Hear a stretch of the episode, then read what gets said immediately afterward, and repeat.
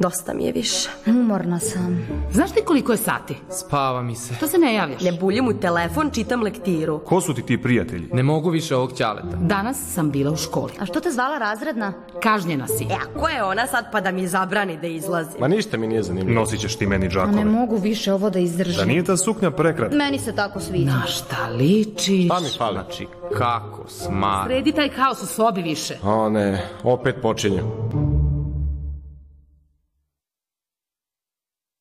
Zdravo, zdravo. Da, da, krenulo je proleće i ja se mnogo radujem zato što je konačno vreme da izađemo napolje i da se bavimo nekim sportom, da se rekreiramo. Šta kažete? A vi biste pre ostali kod kuće i slušali muziku. Ili ne, vikend je odlično vreme za igranje igrica. E, zašto je tinejdžerima toliko teško da se pokrenu i da li je bavljenje sportom baš toliko bitno? Ne znam. Idemo mi ipak to da malo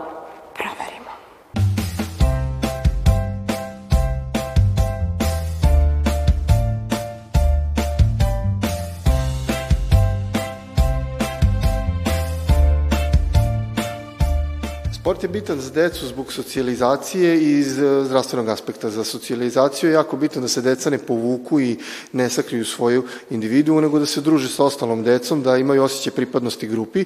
Kad imaš osjećaj pripadnost grupi, onda si mnogo vispreniji, mnogo si bolji u učenju, u ponašanju i tako dalje. E, Što se tiče zdravstvenog aspekta, bitan je iz razloga razvijanja e, mišića, muskulature, kao i samog organizma. Celokupna slika deteta je jako bitna, pojavanje slobodnog vremena jer dete kad ima previše slobodnog vremena ne zna šta će da radi sa sobom i onda svakakve neke ovaj, stvari im padaju na pamet, pogotovo u ovom dobu kad su tinejdžeri, a kad se bave sportom koliko toliko su ipak izolovani od tih nekih negativnih uticaja današnjice. Kako se tebi dopada ovaj trening i šta tebi on donosi?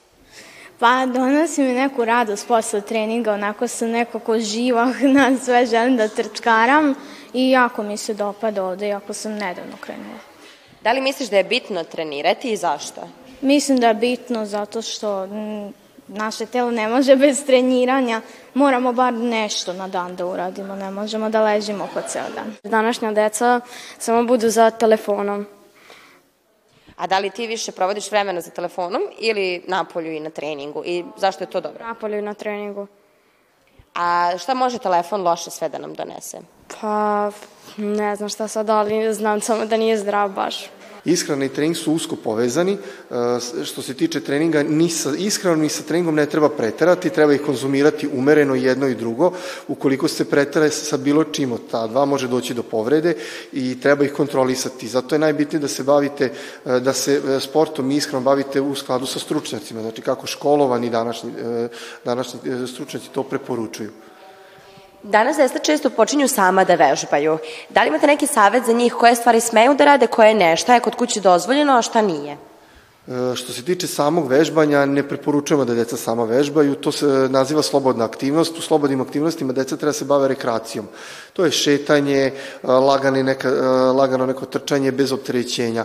Što se tiče e, tog samog vežbanja, korišćenja aplikacije ili sajtova za vežbanje, mi strogo to ne preporučujemo, jer aplikacija ne može da oseti potrebu vašeg organizma i može lako doći do povrede.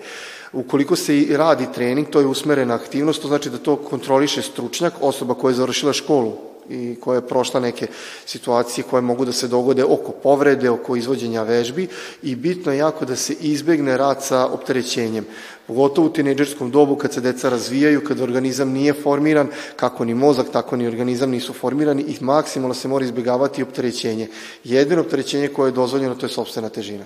Da li se ti baš uvek raduješ treningu ili te nekad mrzi da dođeš? Pa uvek se radujem. A zašto se raduješ da uvek dođeš na trening? Pa zato što mi je zabavno i volim da idem na trening. Zašto ti treniraš? Pa da bi bila zdrava i zato što volim. Kakav savet bi dala drugarima koji ne vole da treniraju, koji su često za telefonom i kompjuterom? Pa... Ne znam. Pa misliš da je to dobro što su oni stalno kod kuće i zatvoreni? Nije dobro. Zašto? Pa zato što uh, to nije zdravo. Kako su trening i ishrana povezani? Pa ne treba trenirati punog želuca. Nije zdravo prosto. Kako se ti osjećaš posle treninga kad završiš? Pa, umorno i srećno. A šta bi rekao za drugare koji ne vole da treniraju, koji vole da budu samo kod kuće? Kakav savjet možeš da im daš da to više ne radi i da krenu da treniraju? Pa, dao bi im savjet da kada trebaju, na primjer, na fizičkom, kada trebaju da odrade neku vežbu, ne bi mogli to da orade ako se ne bave nekom fizičkom aktivnosti. To suplementi nisu dobri za dete koje je u razvoju. Suplementi jesu dobri za profesionalnog sportistu uz nadzor stručnjaka, ali da deca to samo uzima na svoju ruku, to nikako, pa sve da im stručnjak kaže uzmite suplemente u tineđerskom dobu, mi se tome protivimo, jer se dete tada razvija i samo može doći do komplikacija od ne znam, štitnih žlezda do ne znam čega, drugog znojenja, ovamo onamo, do, može doći do oštećenja nekog mišića ili nekog koštanog pripoja i tako dalje, što može izazvati ozbiljne posledice, da danas sutra dobijemo invalida, a ne sportistu. Dešava se da dete u jednom trenutku ne ide više na sport, da mu dosade ili ne želi više da se bavi sportom. Koji je savet da nastavi i šta je to pogrešilo pa ne želi da se više bavi sportom? Dete nije ništa pogrešilo, pogrešili su roditelji. Pogrešili su zato što su gurnuli dete, e, gurnuli, uslovno rečeno, u ranu specializaciju. Suviše rano su dete opredelili za jednu sportsku aktivnost. Deca dok su mala treba da se bave svim sportovima, treba da nauče da vežu pertlu, da urade kolu tu napred, treba da se okreću, da se prevrću, da znaju da trče, da skaču, da plivaju i tako dalje. Kada, kada usvoje taj neki set vežbi, odnosno motoričkih sposobnosti najosnovnijih, tek onda možemo da ih usmeravamo upravo u tom tinejdžerskom dobu dolazi do usmeravanja. E, činjenica i istraživanja su to dokazala je da olimpijci sa poslednje dve olimpijade koji su se vratili sa odličjem i sa medaljama, e, počeli su se bave tim sportom upravo u tinejdžerskim dobima. Znači nisu se bavili sa pet godina e, atletikom i da su doneli medalju iz atletike, ne, počeli su sa, 12, sa 10, 11, 12 godina da se bave tom nekom aktivnošću.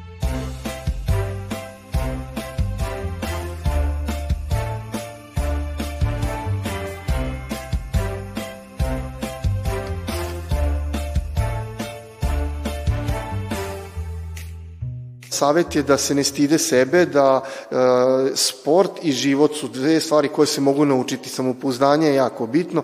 Ne treba decu da guramo u neki sport kako bismo im uljuljkali i uništili samopouzdanje.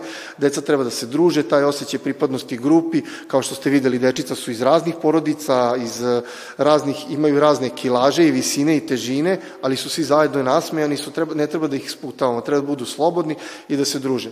Deca treba da ne budu zavisnici od tehnologije od današnjih modernih doba. Dakle, deco, ostavite telefone.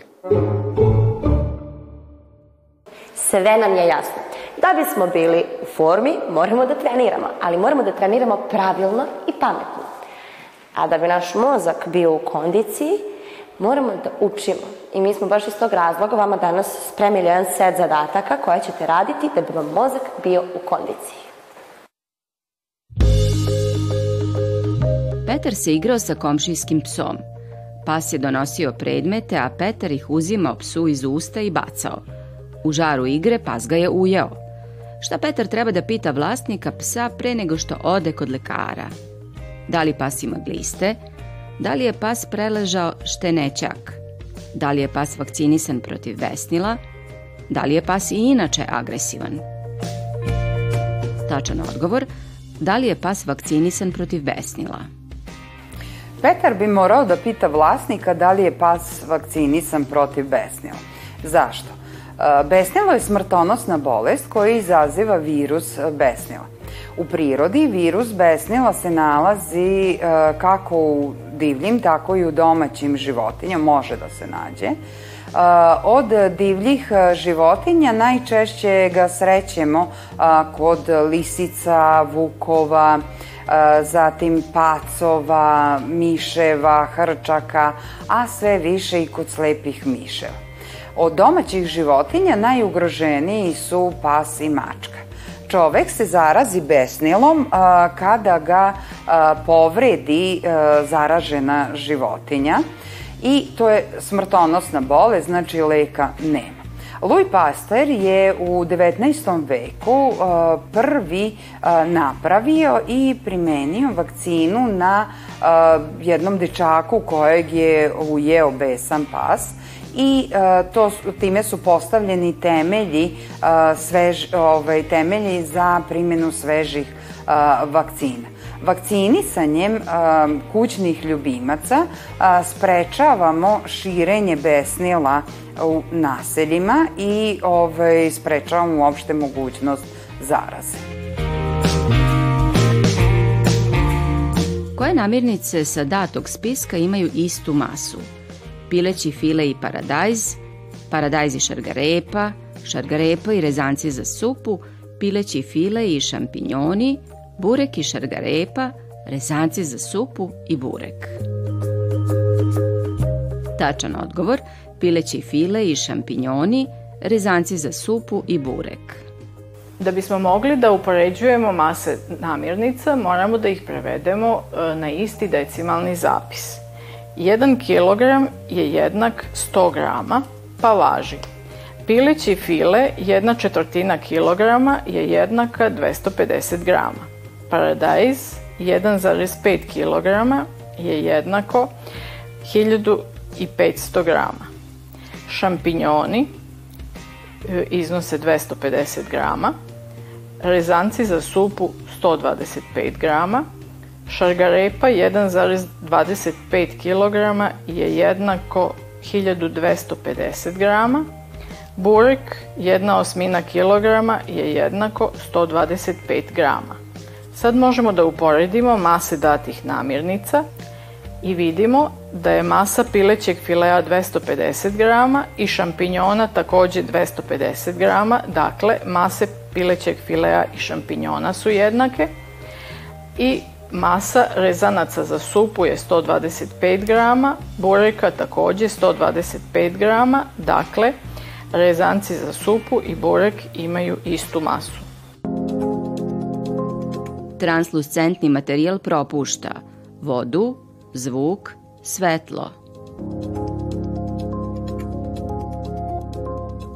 Tačan odgovor svetlo. Translucentan materijal je materijal koji propušta svetlost. Takvi materijali su poluprovidni, tako da propuštaju samo deo svetlosti.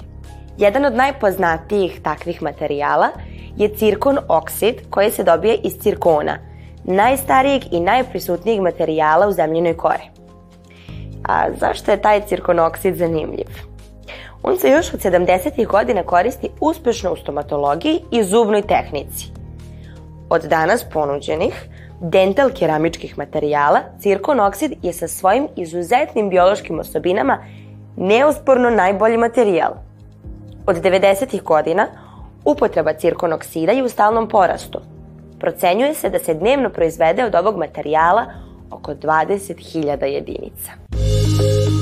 Živim bićima je za život neophodna energija koja se proizvodi, skladišti i odaje u specifičnom procesu u ćeliji koji se zajedničkim imenom naziva klijanje, homeostaza, metabolizam, reprodukcija. Tačan odgovor, metabolizam. Metabolizam se sastoji od više procesa koji se dele u dve osnovne grupe. A, to su katabolizam i anabolizam. Katabolizam je dobio naziv od engleske reči kat, što znači seći, i to podrazumeva procese razlaganja složenih e, molekula e, na jednostavnije, pošto su ti jednostavniji molekuli povezani e, vezama koje imaju energiju, prilikom kataboličkih procesa dolazi do oslobađanja energije. S druge strane e, imamo anabolizam. Anabolizam su procesi stvaranja, odnosno stvaranja složenih organskih molekula od jednostavnije, jednostavnijih i za te procese je neophodna energija. Međutim, energiju koja se oslobodi u toku kataboličkih procesa ne može direktno da korist, ne može se direktno koristiti za anaboličke procese, već se ta energija a, lageruje, odnosno skladišti u obliku ATP-a, odnosno adenozin trifosfata. To je visoko energetsko jedinjenje koje se stvara u mitohondrijama. E sad, adenozin trifosfat vam se sastoji od jednog molekula adenina, riboze i trifosfatne grupe, koje su međusobno povezane vezama koje su bogate energijom. I kada je potrebna energija za anaboličke procese, jednostavno se odvoji jedna fosfatna grupa, pukne ta veze i oslobodi se energija, a ostane adenozin difosfat ili ADP. Metabolizam je a, najznačajniji za održavanje svih životnih procesa kako u ćeliji, tako i u celim živim bićima. Sada smo lepo provežbali i moždane vijuge. I ja imam odličnu ideju koju vi možete da iskoristite. Na našem YouTube kanalu imate sve ove zadatke koje ste sada provežbali i još mnogo njih. I možete, na primjer, sutra da sadnete na bicikl ili uzmete rolere, odete negde da se provozate i na slušalicama slušate te zadatke. I onda vežbate i telo i um. Šta mislite o tome? Javite nam kako je prošlo, a do sledeće nedelje vidimo se. Bye.